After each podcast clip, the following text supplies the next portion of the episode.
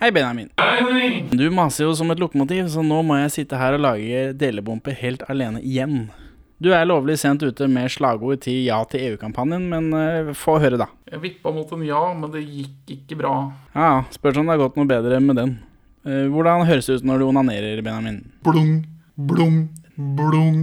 Oi, jeg, puff, jeg tror du skal ta en tur til legen, jeg. Ja, det sånn er? Uansett så er dette andre del av Halloween-episoden vår, så hvis du ikke har hørt den første delen, så lønner det seg å gjøre det. Begge vi to i podkasten vil først anbefale villmark, men så trekker vi oss etterpå når vi har fått tenkt litt på det. Perla for svin.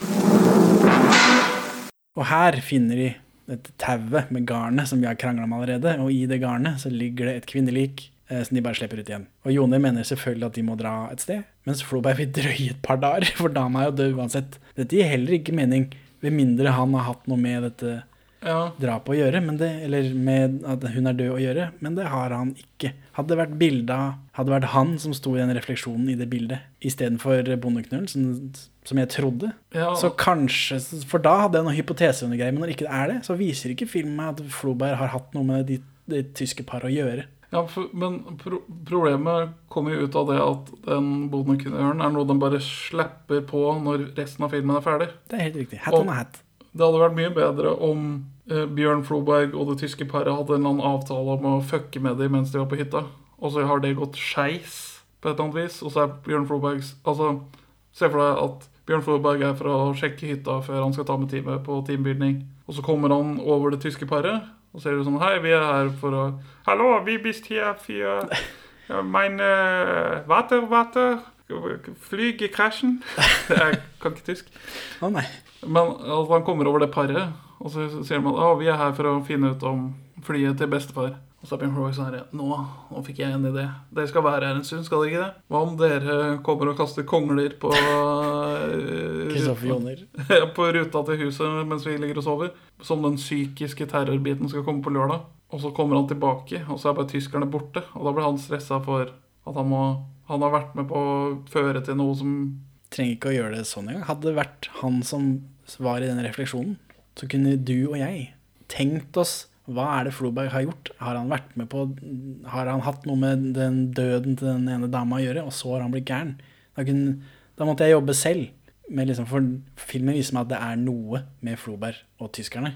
Og så må jeg selv finne ut hva er det han har gjort for noe, siden han er såpass rar rundt dette. Men, men de har kutta ut Floberg helt fra det tyske greiene, så nå vet jeg ikke hvorfor han er så rar. Det er jo fordi, som du sier, at uh, er magisk. Ja, tjern er magisk. Ja, Men det er derfor han er rar, antar jeg. At han har noen traumer angående dette tjernet, bare. Det har ikke noe med tyskerne å gjøre. Det har ikke noe med dreping av scener å gjøre. Det er bare han på egen hånd. Det er båndene som går på repeat når han er der alene med bestefaren sin hele sommerferien.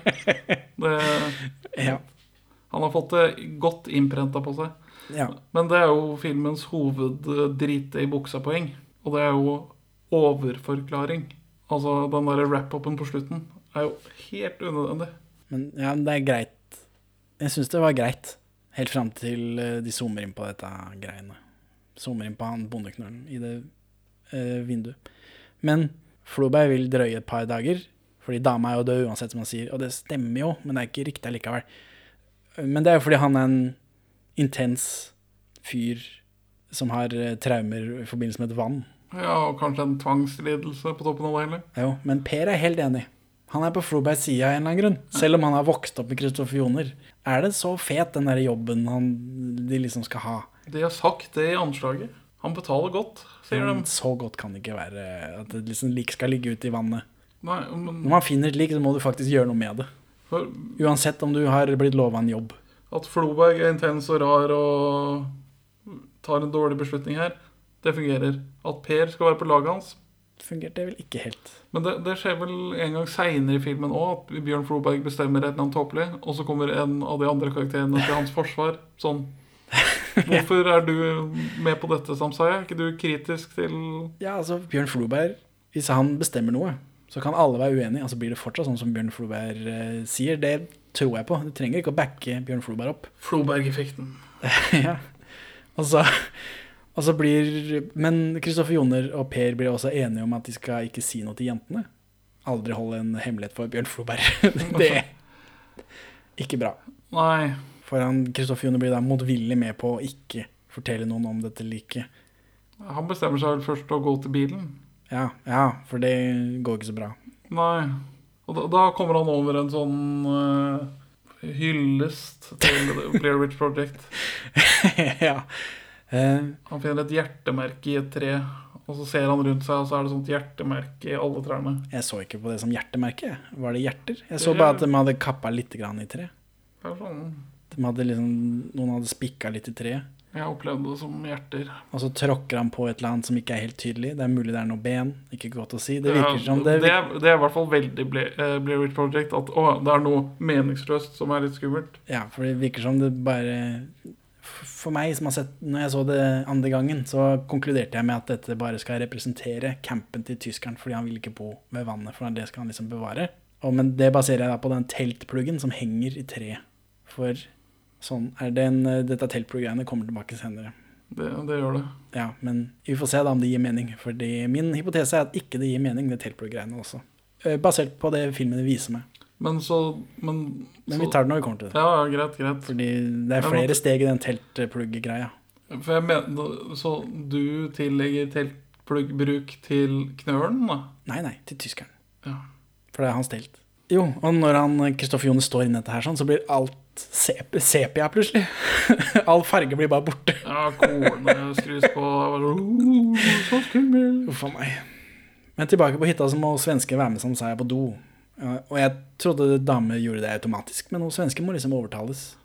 Men det virker som hun eh, som sa jeg skal kable, da. Jeg vet ikke om det er vanlig at de går på do. Jeg vet ikke hva damer gjør på do. Hvorfor går de to og to?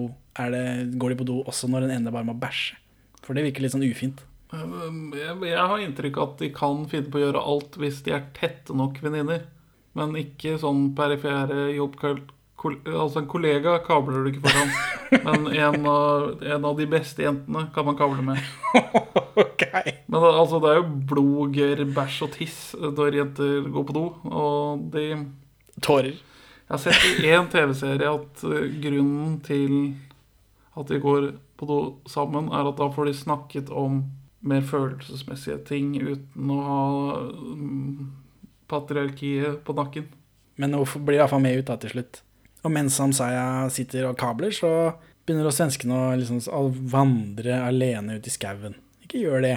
Det er ikke noe lurt. Og hører jo plystreslyd, da. Ja, Og Kristoffer Joner er borte, så tenker vel at det er han, da. ja men ikke gå ut i skauen for det. Hun kan stå mot For første så Samsaya vil at hun skal være passe på at, og høre på at hun bæsjer. Hold posisjon, lykt i retning lyd. Ikke beveg deg. Ja. Gå heller inn i Kableby. ja ja. men så roter hun uti der sånn, så får hun en død hare i ansiktet. Og her er det plystring, så den haren tillegger jeg bondeknullen. Selv om plystringen ikke er ordentlig knyttet opp til knølen. Ikke på forhånd, men i etterkant så gjør de det. Det er den eneste måten å tolke den sluttscenen på. Hvorfor kan ikke tyskeren plystre? Spør eh, Hva er det Pål Øyen han heter, han som har lagd filmen. Ja. Så den, eh, den haren tillegger jeg eh, bondeknullen. Og akkurat når hun får den i trynet, så kommer Kristoffer Joner, og hun tror at det er han som har kasta han, og så er det noe sånn forvikling her. Altså, men det- løses aldri ordentlig opp. De, de følger ikke det Nei, det gjør de ikke senere heller. Etter at Kristoffer er- eh, Joner er blitt nesten kvert til døde, så tror han fortsatt at det er, så tror han at det er Per, og så løser de ikke opp i det heller. Nei, det var sånn hun For han skjønner ikke hva hun snakker om. Hun Forstår at han ikke skjønner hva hun snakker om. Og så legger hun bare ballen død. Ja, så er det ikke noe mer. Jeg hadde ikke sagt meg fornøyd. Jeg skulle hatt svar på hvem i helvete som kasta en død hare i trynet mitt. Ja. Og mens alt dette skjer, så sitter Samsaya og driter. Det syns jeg er morsomt. Og neste shot er at eh, Per og Joner står ute og tisser. Så det er mye sånn Det er mye greier. Og så er det et unødvendig undertøysshot av svensken. Helt unødvendig. Ja.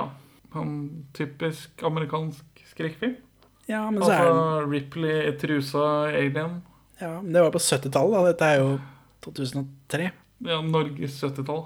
ja, for så vidt. Men etterpå så får vi en sånn eh, ja, sexscene. Den er unødvendig for så vidt, den også, men, men det er på en måte greit. Men, så de kunne jo klemt inn den der eh, sexy undertøyshot-scene der, da. Hvor det hadde gitt mening, på en måte. For her er det bare hun som skal hoppe i soveposen. Og så får vi et sånn der eh, male gaze på beina hennes og trusa. Uansett, hun finner en død fugl i soveposen som moroklumpen Per har lagt oppi der. Ufint. Han er ganske vanskelig å like, han derre P-fyren. Så jeg han- tipper han dør først, har jeg skrevet her, og det gjør han jo. Han har fått mye kokos opp igjennom. Som straff for alle sine ufinheter. Mm. Det er derfor han er skallet. Kan hende. Og så er Floberg ute hver eneste natt og hogger i trær. Men da svensken påpeker også at det bråker. Altså det er flere enn meg som har lagt merke til at, eh, han, at det der kakk, kakk, kakk, kakk hele jævla natta må bli slitsomt. Det er veldig bråkete og hoggende trær. Det er det, og Han er ikke langt unna, liksom. Nei, det er rett utafor døra. Ja, Og det er i skogen, hvor det er ganske stille sånn generelt. Bortsett fra alle morderne og plystregubbene som flyr utpå der, da. Ja. Men Bjørn Floberg sover ingenting mens de er her ute. Det er vel det som blir implisert. Og Og, det er helt, og det er helt greit at det bidrar til For da blir han gærnere og gærnere. Det kan jeg være med på at det bidrar til at han blir gærnere. Og han ser slitnere og slitnere ut for jo lenger ut i filmen vi kommer. Og jeg mener å ha lest at han er litt sånn metodegutt. Så kan det hende at han sover veldig lite og er veldig ubehagelig Bjørn Floberg på settet gjennom hele Det hadde vært slitsomt hvis jeg skulle være skuespiller, men det er jeg jo heldigvis ikke. Kristoffer Joner er røyksugen, røyksugen, det kommer tilbake. Og så får vi litt backstory på Floberg, og svensken for så vidt. For svensken traff Floberg som 15-åring på bar i Stockholm. Ja, hun jobba på bar, og han sjekka henne opp. Nei, virker ikke sånn. Det virker som at hun jobba på bar, og han var der tilfeldigvis, og så spurte hun har du jobbet med meg, og så hadde han det. For de har ikke ligget sammen, men de respekterer hverandre, er det vi får ut av den samtalen her. Er, er, det- er det, ble det bekrefta? Ja. Det var det en Det er den følelsen jeg har gjennom hele, og jeg tror det er det de sa også. Første stedet jeg har hørt begrepet hel ved, tror jeg. Jaså? Å være hel ved? Ja, Sånn er det ikke å være fra Østfold. er det, ok. Herlig måned. Helt ved han der. ok. Da har vi lært noe. Så frågade jeg halvt på skämt ifall han hadde et jobb til meg. Så Sa han det? Ifall jeg var av hel ved.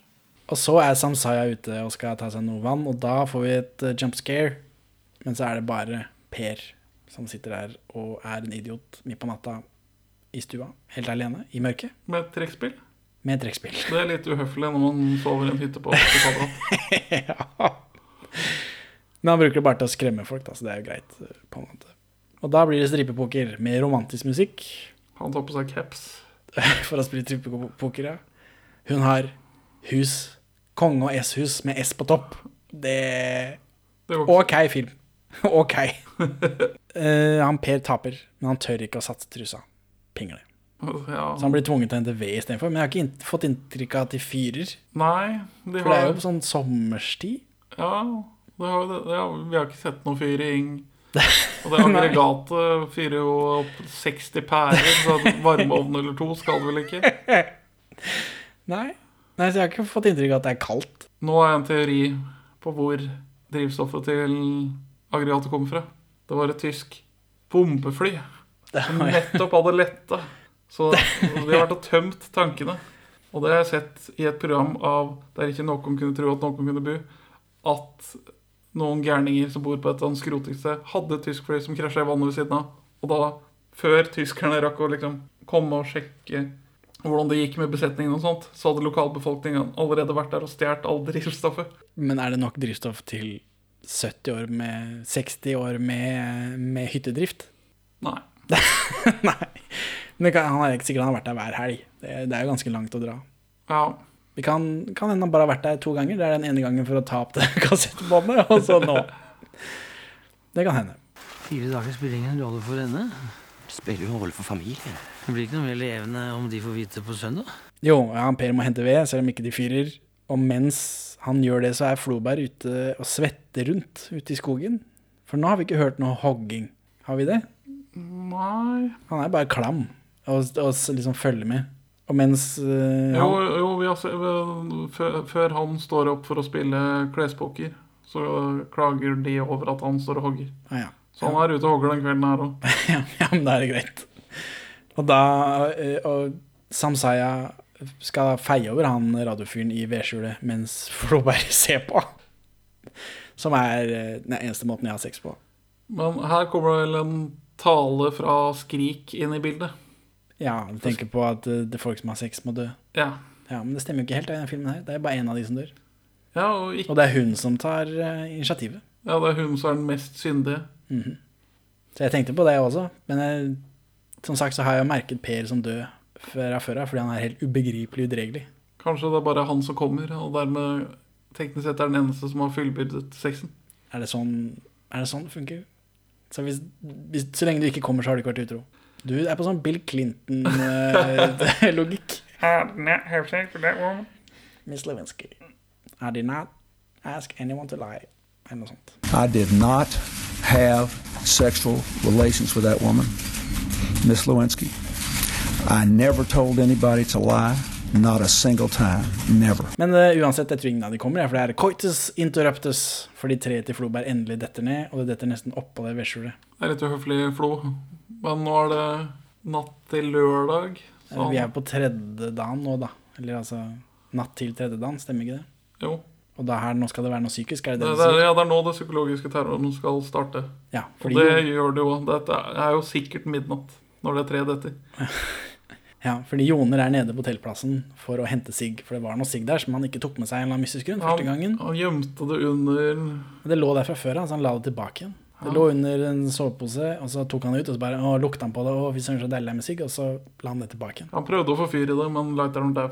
Så han sitter der inne i teltet der og holder på med dette, røyker og koser seg.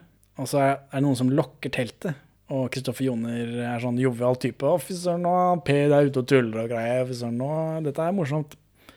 Men er det noe plystring, da? Det er det. Per? Jeg har noe til deg inne. Per. Per. Gud. Per!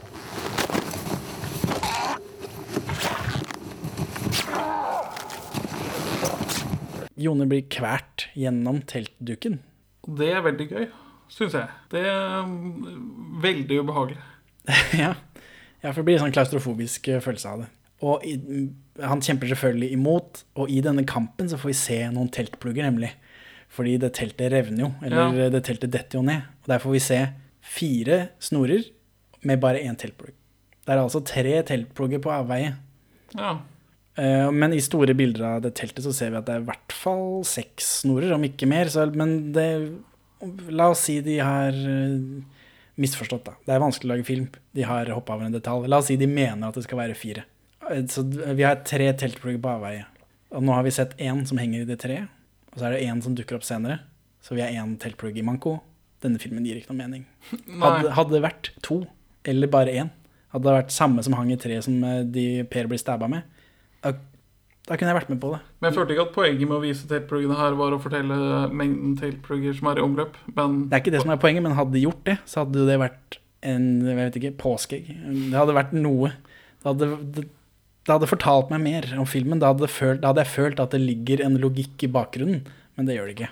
det er sikkert en søvnløs uh, Bjørn Floberg som krever å rette på manus mens de lager filmen, siden de ikke har planlagt noe slutt på det. Men angående at det er vanskelig å lage film, Ja. fikk du med deg hva som skjer etter 40 minutter og 44 sekunder Det, nei, ikke i i, huet. i denne scenen? Nei. For det er veldig vanskelig å lage film. Men når eh, Når Kristoffer Joner endelig kommer seg løs og kommer seg ut av teltet, så får vi et overblikksbilde. Men der er det jo ingen. Men hvis du ser til venstre i bildet, så ser du andre fotografen står der og filmer. og så klipper det rett til utsnittet hans. Jøss. Ja, det, det så jeg ikke. Det, det er jo helt katastrofe. Hvordan har det blitt igjen? Hvorfor, hvorfor har de ikke bare zooma inn litt? For han er liksom i kanten. Helt på kanten. Jeg har jo ikke sett det heller. da. Det er vanskelig å lage film. Jeg så det. Ja, jeg så det ikke. Og, det, og, og i hvert fall når poenget ditt i akkurat det klippet er å fortelle at «Åh, han som kverta han er borte. Så står det bare en random dude der og bare chiller med et kamera. Ja, dette, dette, dette kommer på, kommer på tveteren. Det gjør det, det òg, ja. Ja. Ok, jeg går. Hvis du skal hjem, Lasse, så er det den andre veien. Per er ute med mobilen sin igjen, og da finner han den gassmaska, eller den henger på doveggen. ja. Og da lukter han i den. Hvorfor det? Kjenne om filteret har fungert eller ikke. Nei, han lukter inn bare. Dette ser ikke ut som tysk type gassmaske, så det drar meg litt ut av filmen. Det er klart det gjør. Fordi, Fordi- gassmaska vil jo naturligvis være fra det flykrasjet, ikke sant? Nei, vil vel ikke. De tyskerne kom jo for en måned siden. Det kan være en moderne gassmaske de har tatt med seg på sykkeltur til Norge. Så kom ikke her. Den filmen her er det ingen logiske brister i.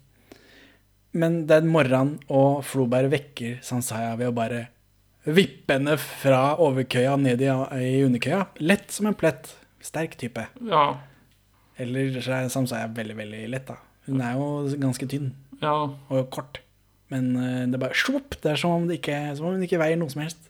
Og den madrassen virker ikke så god å lande på, egentlig. Så det, det tror nok hun våkner av det. Det er vel treplank med filt oppå, omtrent. Ja, En filt som består mest av muselort. Og Så kommer Kristoffer Joner, og han tror at det er Per da, som liksom har kvalt han i teltet. Og så har de den der Ja, søren, det var dritvondt. Hva da? Jeg bare skremte deg jo, for det er en sånn jumpscare inni der òg. Nei, nei, nei, det er på stavangerdialekt jeg har tekst på, fordi det er helt umulig å forstå det. Det var ikke meg. ja, ja de bare, Han forstår at det var ikke han. Han skjønner at eh, det har skjedd et eller annet som ikke er forklart. Ballen død. Ferdig med den samtalen. Ting jeg ikke hadde sagt meg fornøyd med. Ja. Dødsangst sitter ganske lenge i kroppen. Ikke for Kristoffer Joner. Og så driver han Per og snakker om den telefonen sin foran en don, mens eh, Floberg sitter innpå der og, og kabler, uten at de vet om det. Så mens de er i den samtalen om telefonen, så kommer han ut, og da så, sladrer Kristoffer Joner på Per om den telefonen til Floberg. Jeg trodde Kristoffer Joner og Floberg var litt sånn uvenner. Han er vel snurt fordi han tror køddekompisen hans har kvalt han. da. Han har ikke Ja, kanskje. Og Floberg er eh, intens, ass. Nå er han på tredje døgnet. uten, uten søvn. og som straff, da, for at han har telefon, så må Per grave utedo, eller tømme utedoen. Ja. Det gjør man jo ved å grave et hull og tømme bæsjen oppi. Bjørn uh, Floberg konfiskerer telefonen hans og tar ut SIM-kortet og biter over det. ja. det Mm, jeg vet ikke om jeg Sto det i manus, eller er det en Bjørn Solberg-flourish? Hvem vet? Jeg tror ikke jeg ville jobbe for en sånn fyr. Men nå jobber ikke jeg i TV-bransjen. Vi må jo- respektere de lover jeg har satt opp, ellers så kan ikke vi jobbe sammen. Ja, jeg jobber jo i podkastbransjen, så Og det er du som er sjefen min? Spørsmålstegn. Spørsmålstegn, spørsmålstegn, spørsmålstegn. Så, men han eh, Per nekter å grave den utedassen. Nekter. Han gjør hva som helst annet. Og da er det liksom Kristoffer Joner som er innom igjen og er jeg, jeg visste ikke at han var på lag med Bjørn Floberg. Jeg skjønner ikke. Han kommer med et forslag fra Pers og Kristoffer Joners barndom. At man binder han fast på bakken i stjerne, så, Det mauren skal spise den opp. Ja, for det var noe Per likte å gjøre. Det er jo en klassiker fra sånn westernbøker. Ja, jeg tenkte på sølvpilen, dette. Ja, Men det gjør de, da. Og det er liksom det er, det er litt uhøflig, syns jeg. Ja, Det, ting jeg ikke hadde funnet meg i. nei, ikke Eller- det er julebord. Eller Bjørn Floberg, som sier det. Så han blir liksom stroppa fast der, da. Sitter fast i bakken. Mens resten av gjengen må bære noen stokker opp en bakke. Så jeg vet ikke, er det bedre å ligge på bakken, eller er det bedre å bære stokker? Ja. Og inntil her så har Samsaya også vært på at eh, Hun har frem til nå syntes at Floberg bare er full av dritt. Men nå er han sånn her Jeg er helt enig med Gunnar. Vi må ha regler. Og det er bare sånn Hvorfor driver folk og backer? Hvor Hva? Jeg vet ikke. Floberg er, han er jo en eh, magnetisk type. Han trekker folk til seg. Ellers er det bare av frykt. Så de bærer disse stokkene opp bakken. Floberg forteller, forteller om eh, Sisyfus. Sisyfos, som han kaller det. Ja, det, han er vel ikke helt spot on på latinen sin her? Nei. Eller gresken sin, da. Det er jo han som dytter denne steinen opp bakken, og så med en gang han nærmer seg toppen, så detter den steinen ned igjen. Og Bjørn Floberg sier at han var lykkelig. Jeg tror ikke det er det det sangen handler om. At han er så jævlig fornøyd, for han kan dytte den steinen hele dagen. Tror du det? Nei. Det er vel evig arbeid for inget lønn, og det er vel ikke det Nei. man blir lykkelig av. Nei. Men iallfall så, så pælmer han, Bjørn Floberg ned alle de stokkene igjen, så da må de begynne på nytt. Men jeg husker, jeg husker, jeg husker det var et spennende En spennende liten scene når jeg så den som barn. Det er et eller annet med måten de har bindt opp eh, Han stabler det til en sånn pyramide, og så binder han et tau. Ja, han stabler alle stokkene høyt opp i en pyramide, og så binder han et tegn, et tau til en stein som han sparker ned, og så raser alt sammen ned. Og så bråker det fælt, og så er det liksom Men mens de holder på med det, så eh, ligger Per i stjernen og får masse maur på seg. Og det er liksom ufint. Og da får vi sånn shots at det er noen rundt den. Som om det er en annen der som liksom ser han ligger der. Men det er ikke noe plystring. Det er ingen kjole vi ser.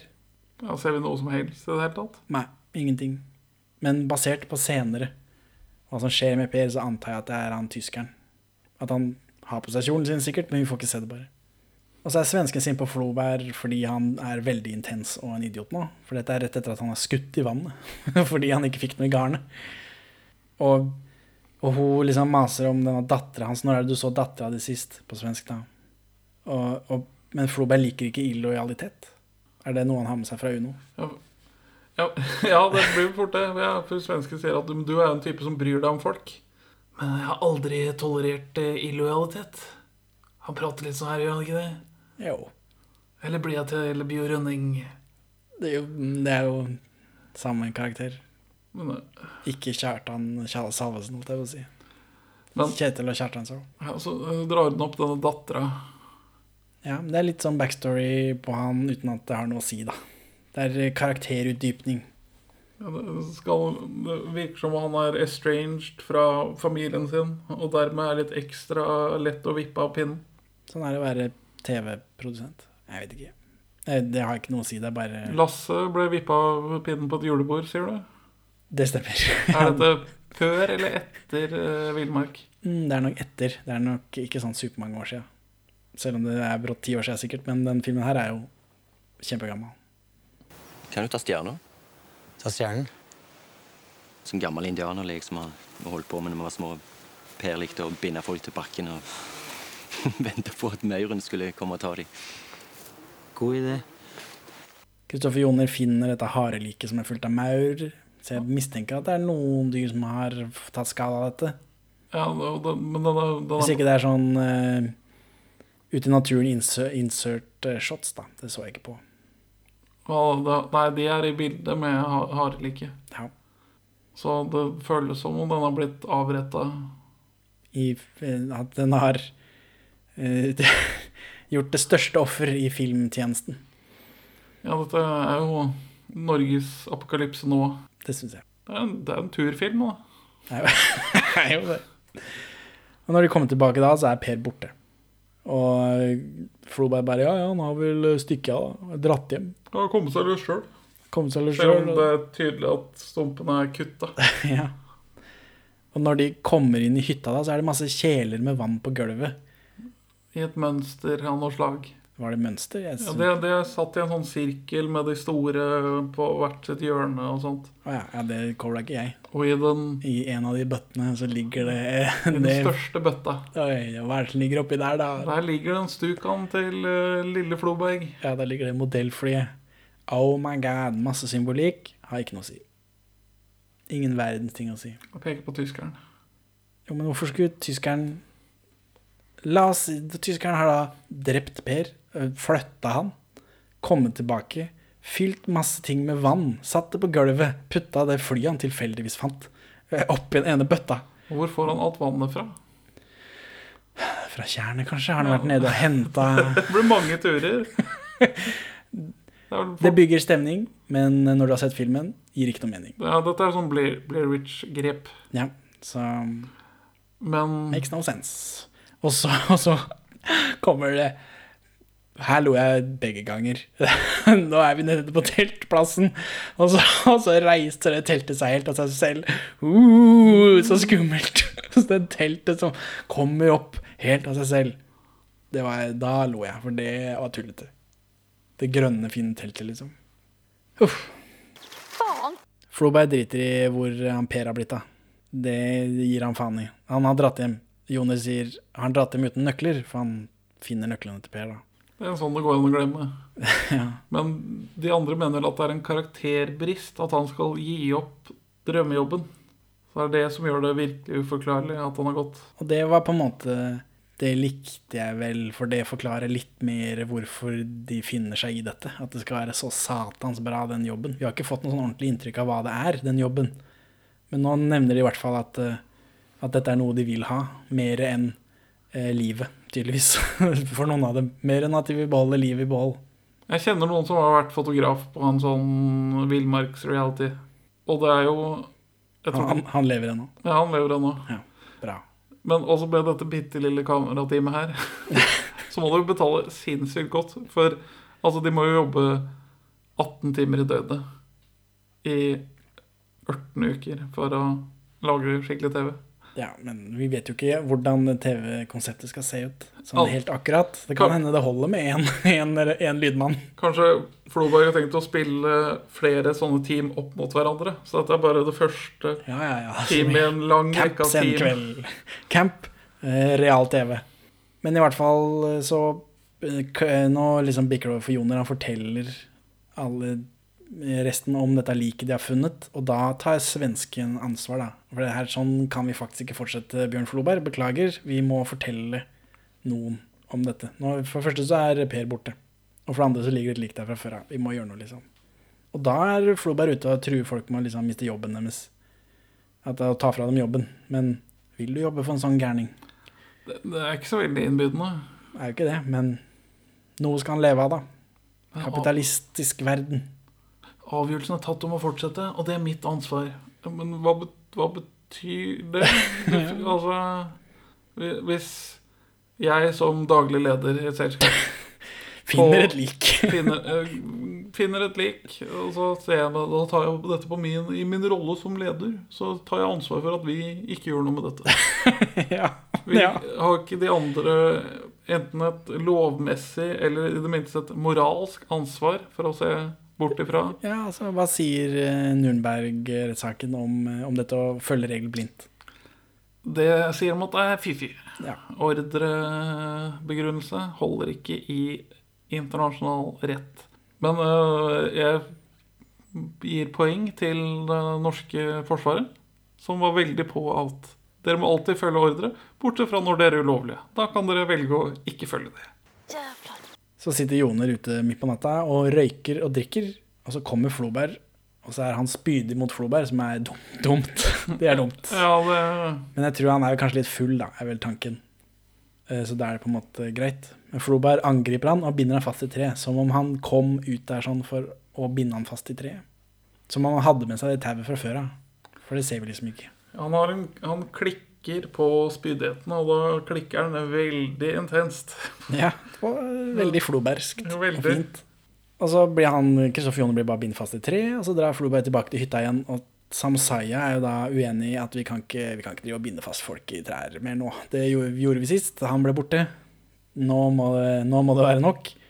Så hun løper da ut for å hjelpe eh, Kristoffer Joner, og, men Floberg styrter etter henne og tar tak i henne og liksom og holder hun igjen, og så slår hun han i trynet. Med åpen hånd, riktignok. Og da døtter eh, Floberg hun inn i veggen, og så begynner hun å gråte. Og så tar Floberg seg litt sammen, for han skjønner at kanskje jeg kanskje har gått over litt nå.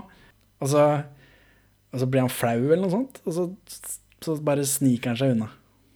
Skal vel ut for å kaste kongler, da. det var det, da. Det er eh, fordi Kristoffer Joner står oppstilt ved treet, og så er det noen som kaster kongler på Kristoffer Joner. Og som alltid i den filmen her, sånn, så tror de at det er han ene som ikke er der. Så han tror det er Per som er ute og kaster kongler. Ja, for Per er inne i en sånn lang kan. ja, tydeligvis. Men så ser vi den der kjolen, da. Den eh, flakker rundt baki der sånn. Så da, det er jo selvfølgelig tyskeren, da. For det er ikke noe plystring heller. Nei, det er ikke ikke Men, men hvorfor kongler? Hvorfor kongler? Tidligere så har, vi, har det vært harekasting, men det var jo han bondeknølen. Har vi etablert nå. Det er ting man får tak i i skogen, da. Og han vil ikke kaste noen av tingene han har med, for det er Det er fiffig. Det er eh, tabu Ja. i hans Det, han Religion. prøver å bevare eh, minnet fra et lykkeligere liv før han mistet sin virkelighet og sin virkelighetsforståelse, siden han er jo en psykose. Ja, men hvorfor skal han kaste kongler på Kristoffer Joner? Kan han ikke bare gå bort til den og så kvele den? Ja? Ja, om, ja. Eller stikke ned med en, den teltpluggen som mangler? Anyways. Vi får se alternate ending ved en senere anledning. Tyskeren kaster kongler på Kristoffer Joner. Samsaya kommer og berger Joner. Og så har de en sånn heart to heart eh, hvor de sitter og røyker og drikker, og Joner gir oss backstory på Per for å menneskeliggjøre han før det avsløres at han er død, antar jeg. Ja, Og at han, Per har vært så veldig forelska i Samsaya, det var derfor han skulle ha denne jobben. Og så på slutten av den samtalen så kysser Samsaya Kristoffer Joner på kinnet, som om hun legger an på han også. Nei. Det var den følelsen jeg fikk, men så blir det avbrutt av en skummel lyd. så en pinne som knekker i bakgrunnen. Ja, og så er det noen som går i bakgrunnen også. Det er en skikkelse som beveger seg der. Men vi får ikke se noe kjole, det er ikke noe plystring. Men de Hva gjør man når man er i skogen, og det er mye skumle ting som skjer, og det er en skummel knekkelyd? Man, man går ut i skogen. Med lykta, da. Jo, men Lyser. likevel. Mennesket oppsøker det ukjente for å få svar. Gunnar, du vet at du har begynt å miste det nå. Du har mista kontrollen nå, Gunnar. sant? Dere har fått en fair sjanse, begge to. De roter rundt i skogen, og så kommer de ned til vannet, og der er det plystring. Og så er det et bål der, og de finner liksom Per sitter, han sitter og er død, da. Så her er min Det filmen forteller meg, er at bondeknullen leder de ned til vannet for at de skal finne liket som tyskerne har lagt igjen. Det er det filmen forteller, fordi Per er stukket ned med den teltpluggen som vi tidligere har sett. Har vært i campen til tyske, tyskeren, og han mangler masse teltplugger. Og den plystringa knyttes senere opp til den bondeknullen. Det er den eneste forklaringen. Dette gir ikke noe mening. De har ikke tenkt gjennom de som har Men lagd det. så Tysker, nei, bondeknølen er en sånn marionettstyrer som er stum og prøver å hjelpe de. Hæ? Nei, nei. Motivasjonen til han tyskeren, nei, til bondeknølen, ikke peiling. Aner ikke. Det eneste jeg kan se for meg, er at han har hatt noe med dette uh, drapet å gjøre, og at han lik, eller har hatt noe med den døde tyskerdama å gjøre, og at han liker å drepe og plage folk. Men politiet gir oss jo en forklaring på hva som skjedde med dama. At hun druknet i det kalde vannet, ja. Ja, Hva om han s- Det er jo magisk, det vannet, så kanskje han har vært nedi der som sånn froskemann og så dratt henne nedi. Ja, det kan hende. Kanskje denne bondeknølen er bestefaren som har krasja ned i vannet, blitt magisk, og nå har kjøpt Felleskjøpet-caps og sånn Ja, vi får sammenligne bildet av han og bildet av bestefaren, for vi har jo han. Det er ikke noe vits, det stemmer ikke. Det er ikke magisk vann. Det er et magisk vann. Men iallfall. Plystringa indikerer at det er bondeknølen som får de ned til vannet, mens den teltpluggen indikerer at det er tyskeren som har tatt livet av Per. Så Ja. de har ikke tenkt på de som har lagd det, bare. De har, bare. de har fokusert på å lage stemning, ikke på at det skal henge sammen. ja, det Og det tror jeg faktisk ikke er bra nok for meg. Så når de finner Per, så vinner Samsaya og Filmgrine. Og Joner bærer da med seg dette radioliket, altså liket av radiomannen. Ja, men han går først i sånn heltemodus som ikke matcher karakteren hans helt. Mens Samsaya bryter sammen, så er han liksom sånn klar til kamp. Og det Det kommer jo tilbake, da, så jeg vet ikke. Det er rar etablering de første fem minuttene av hvem denne karakteren er, og så er han ikke det resten. Det er ikke noe som man liksom beveger seg over. Jeg får iallfall ikke følelsen av det. Ja, ja for, men for han tar seg ikke tid til å være trist før han er ett ferdig med å finne ut at det ikke er noen rundt dem. Ja, fordi det drar med seg dette liket av Per. Eh, Kristoffer Kristoffer Joner tar dette liket på ryggen og bærer det oppover. Sterk type. Ja, han er mer sånn scenesterk. ja. Når han da lemper dette liket ned foran Floberg, se, se hva du har gjort, da begynner han å gråte. Altså ikke Floberg, men Kristoffer Joner. Nei, det var det Floberg Han ser veldig streng ut. Jeg tror ikke Floberg har tårer. Nei. Og så, og så kjører Floberg den der Ja, ja, vi drøyer til søndag, da skal vi liksom si fra. Nå er det to lik vi kan si fra om. Og da hiver Joner seg over Floberg, og så jager han Floberg ut i skogen. Han slenger han i bakken og får et sånt tupp i sida på han og sånt. Og det er bare sånn Altså, dette, Floberg hadde tatt den dette går ikke fysisk opp i opp. på ingen måte. Floberg hadde tatt The Rock. Bare klen- klinka han ned. Det ble veldig David og Goliat. Floliat. Det, du er eh, Hva heter det? Uh, ordspillkongen. Takk. Så, men da begynner folk liksom å ta til vettet som Tolly, så Joner og Samsaya skal da ned til bilen. Men svensken har tidligere tråkka over, så hun må sitte igjen i hytta med gevær og være bekymra. Ja, og øh, Først vil Kristoffer gå alene, men Samsaya vil bli med. Og det er greit for svensken. Ting som ikke har vært greit for meg for 10 000 kroner, er å være igjen i hytta mens folk driver og dør rundt meg. Ja. ja, ja, men hvis Kristoffer Joner skulle gått alene, da hadde jo ikke han kommet ned. Ja, jeg ville venta til det ble lyst, jeg. Ja, ja, jeg vet ikke. Sitte der og vente, da. Så da svensken roter rundt i hytta der, hun barrikaderer dører og sånt noe. Og da viser det seg at eh, liket til Per er borte igjen. Borte. Kommer det tilbake. Det tror jeg ikke. Nei. Hvor Ikke noe plystring, ikke noe kjole. Jeg vet ikke hvem som har tatt det. Vannet har dratt det til seg igjen. Mm, ja, det er nok det der. Vannet krever blod. Ja, for, det, dette er, for dette er det, det romvesenet i Diabys som er liksom sneket seg opp fra vannet der sånn. Ja. Hun barrikaderer seg der i hvert fall. Og så driver Joner og Sansaya og roter rundt i skogen. Joner faller og slår seg selv bevisstløs. Uten at det har noe med, med verken tysker eller bondeknuller eller Bjørn Floberg å gjøre. Det er veldig bratt nedover, nå, og hvis du skal drive og løpe, så er det lett å gå på en smell. Ja, han faller og så slår seg selv bevisstløs. Samsaya fortsetter bare, for hun merker ikke at han detter. Og hun finner da at den broa, den tynne plankebroa, stokkebroa, er borte. Så noen har sparka ned den, da. Um, Og mens de holder på med dette, så er hun svensken hjemme i hytta der, og da napper de døra. På en veldig sånn uskummel måte. Så jeg ble ikke så nervøs da, for det viser seg at det er Floberg. Og Floberg er ikke morderen. Men uh, vi har i hvert fall fått en give-out på at svensken er litt treig på avtrekkeren. For det kunne blitt Floberg hjernemasse her med en litt mer trigger-happy, redd person. Ja, men jeg følte at eh, vi hadde fått en give-out på at uh, hun trakk avtrekkeren på instinkt, som er det motsatte av å være treg. Hvorfor skjøt hun? Nei, jeg vet ikke. Instinkt. Eller Nei, hun sier, sier jo at hun, hun sier jo at hun Hun håper den lever, men hun sier jo det fordi hun skjøt på den. Og så får hun krig for at hun ikke skjøt for å drepe av Bjørn Floberg. Ja, jeg tolka i hvert fall ikke sånn. Hun fordi- sikta dårlig med vilje. Hun er hesitant. Ja. Nølende.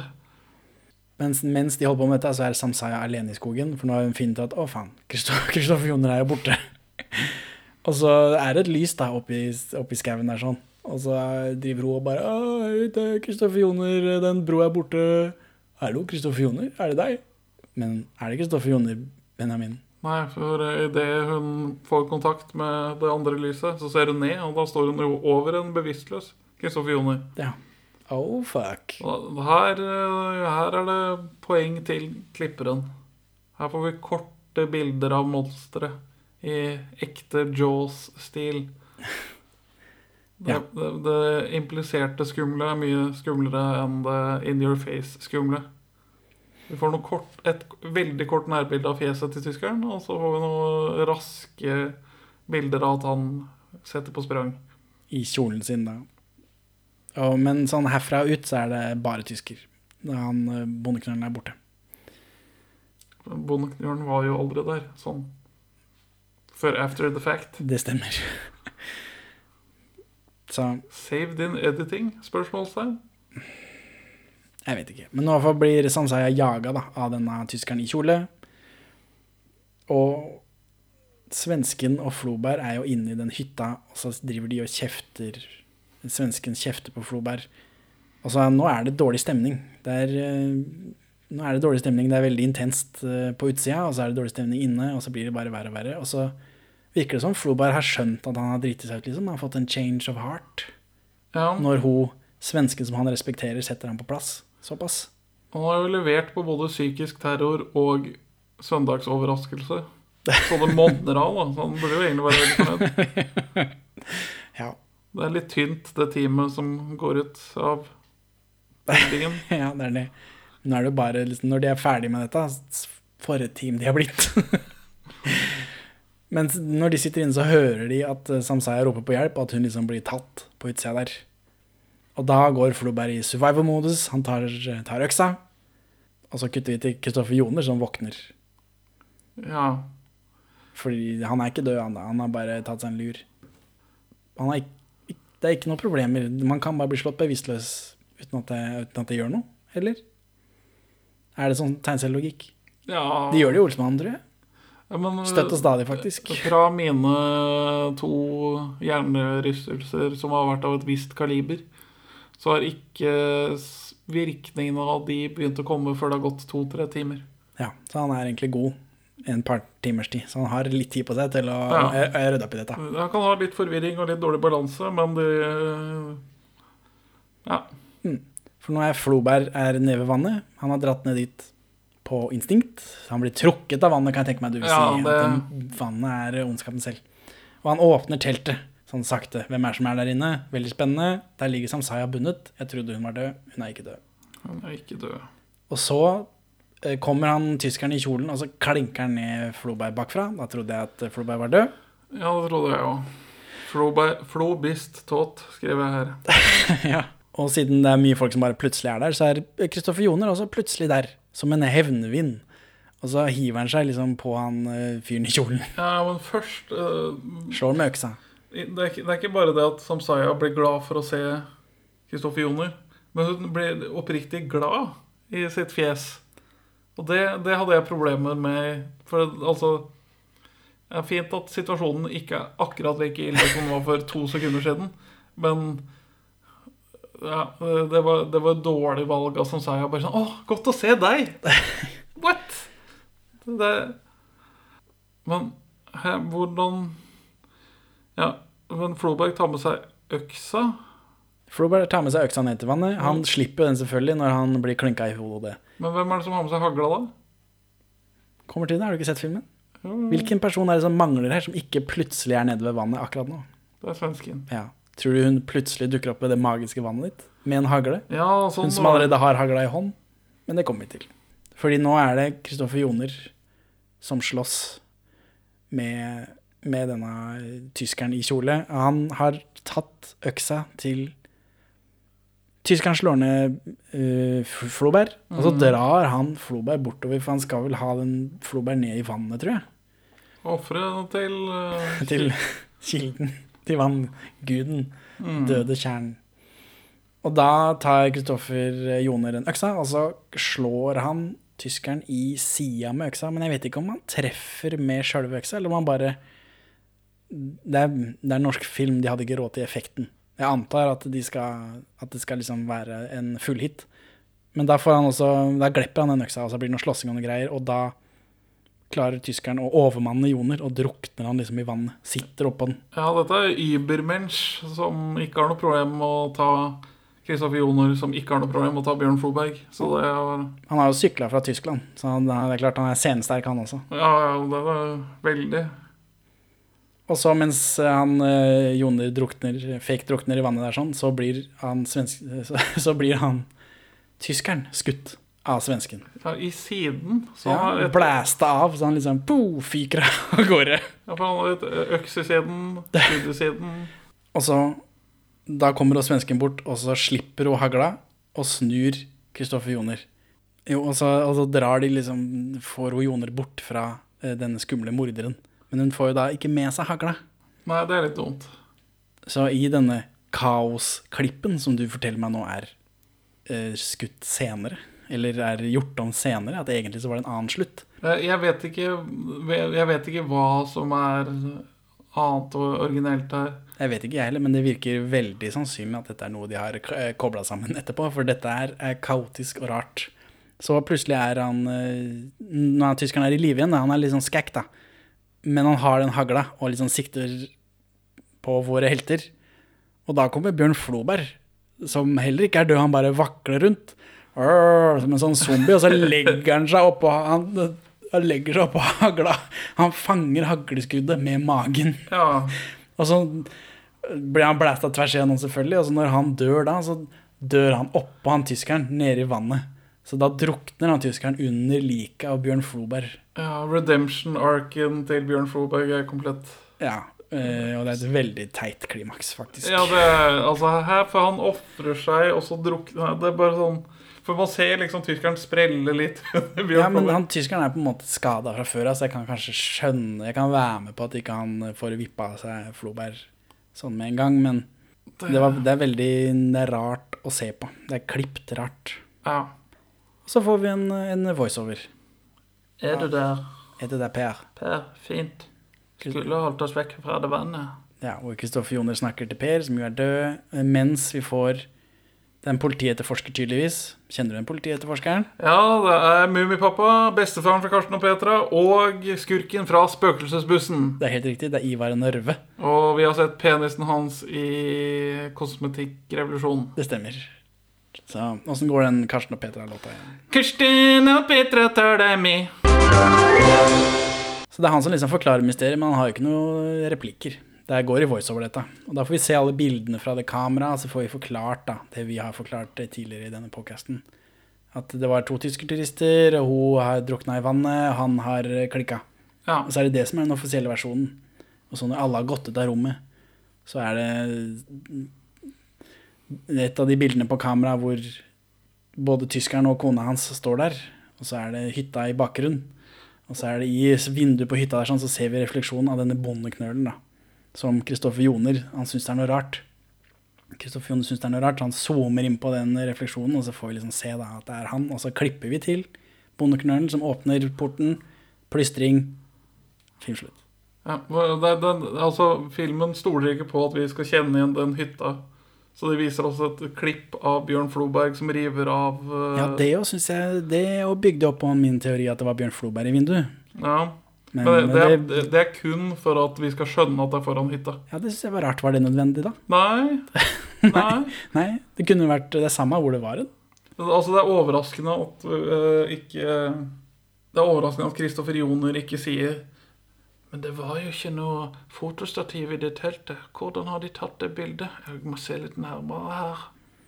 Altså øh, Så teorien er Bondeknølen har noe med drukninga å gjøre, og så har han bare latt den tyskeren rote rundt. Og så kommer det flere folk, og så Han- syns han det er gøy å holde og plage folk, og så blir han bare borte på slutten. Ja, for han tyskeren han gir jo veldig mye moro. Han går jo bare rundt i skogen og er plaga. Virker det som. Ja, men Sitter han i en sånn, en sånn elgjaktpost og bare det kan hende.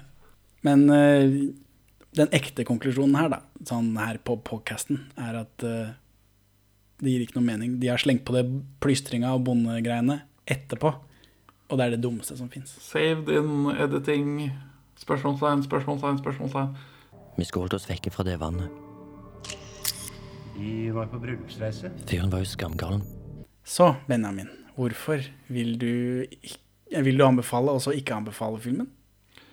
Jeg vil anbefale og ikke anbefale filmen. Stemningsmessig henger den på greip. Bjørn Floberg er en fryd. Og det er ting som fungerer Altså, noe fungerer, men filmens logikk er ekstremt dårlig, og slutten er helt katastrofal. Så Henning, hvorfor jaer du og gneier du filmen? Jo, første gangen så skrev jeg ned etterpå at jeg er underholdt, kan anbefale. Eh, Det er lite gørr og mye stemning, kanskje ikke den beste tvisten. Og så andre gangen så har jeg analysert den for mye og vil ikke anbefale, fordi den gir ikke noe mening. Sånn, vi som krever mer enn stemning, på en måte. Dette er jo ikke en avantgarde-film. Det, det, skal ha, det skal være noe logikk i tillegg. Ja, Det er ikke bare bilder i rekkefølge som skal, skal skape stemning med musikk på.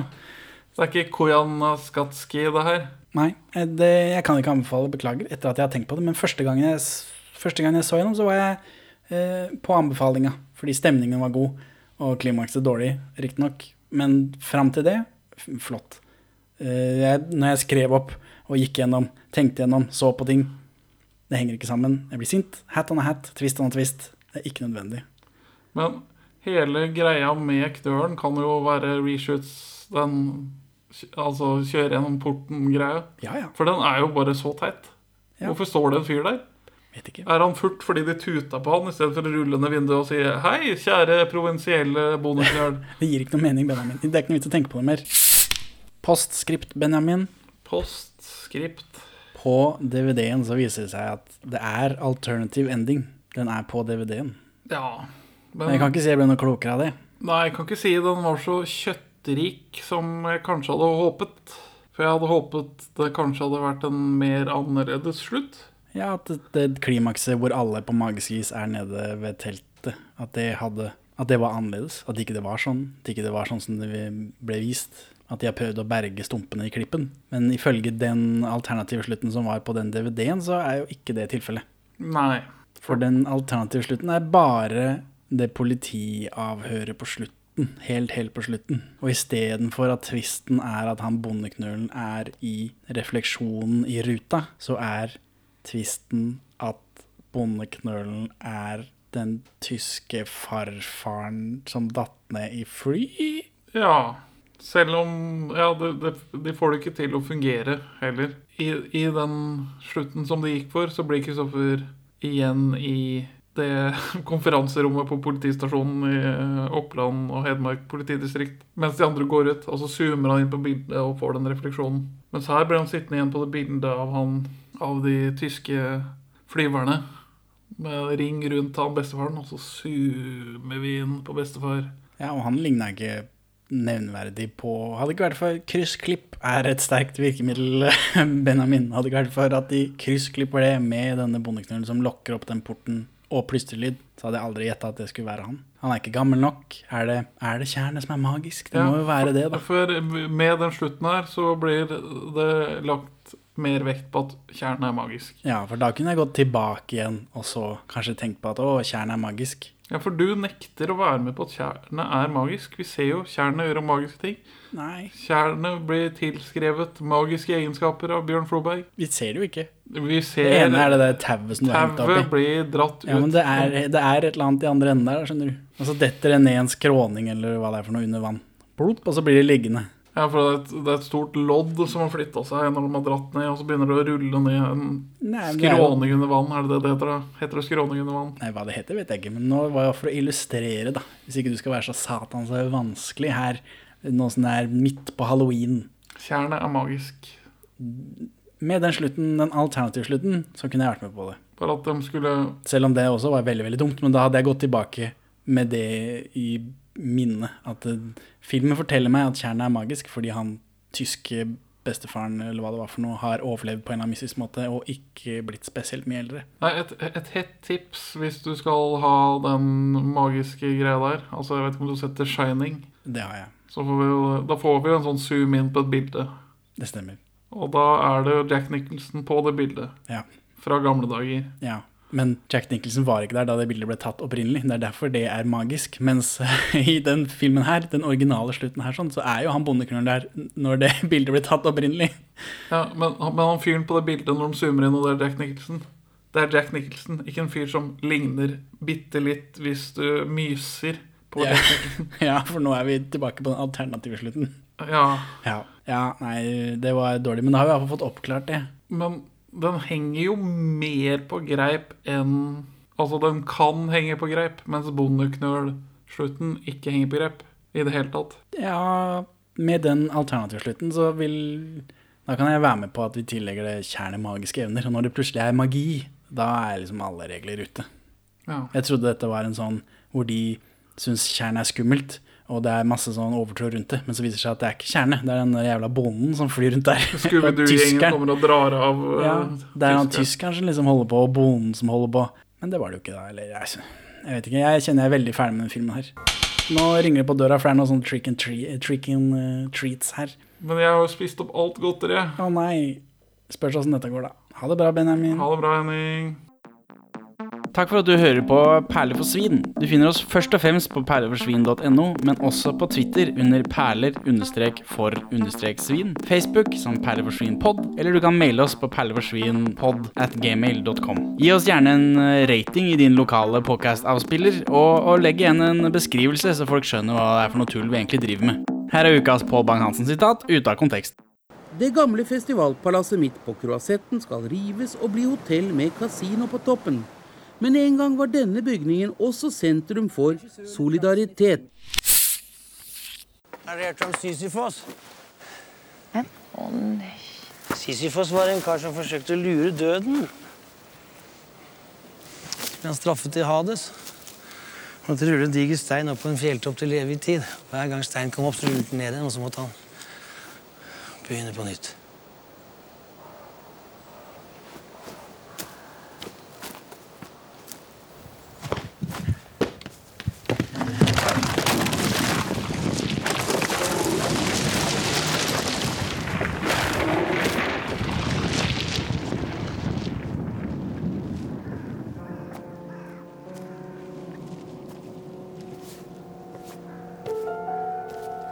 Sisyfos var en lykkelig mann.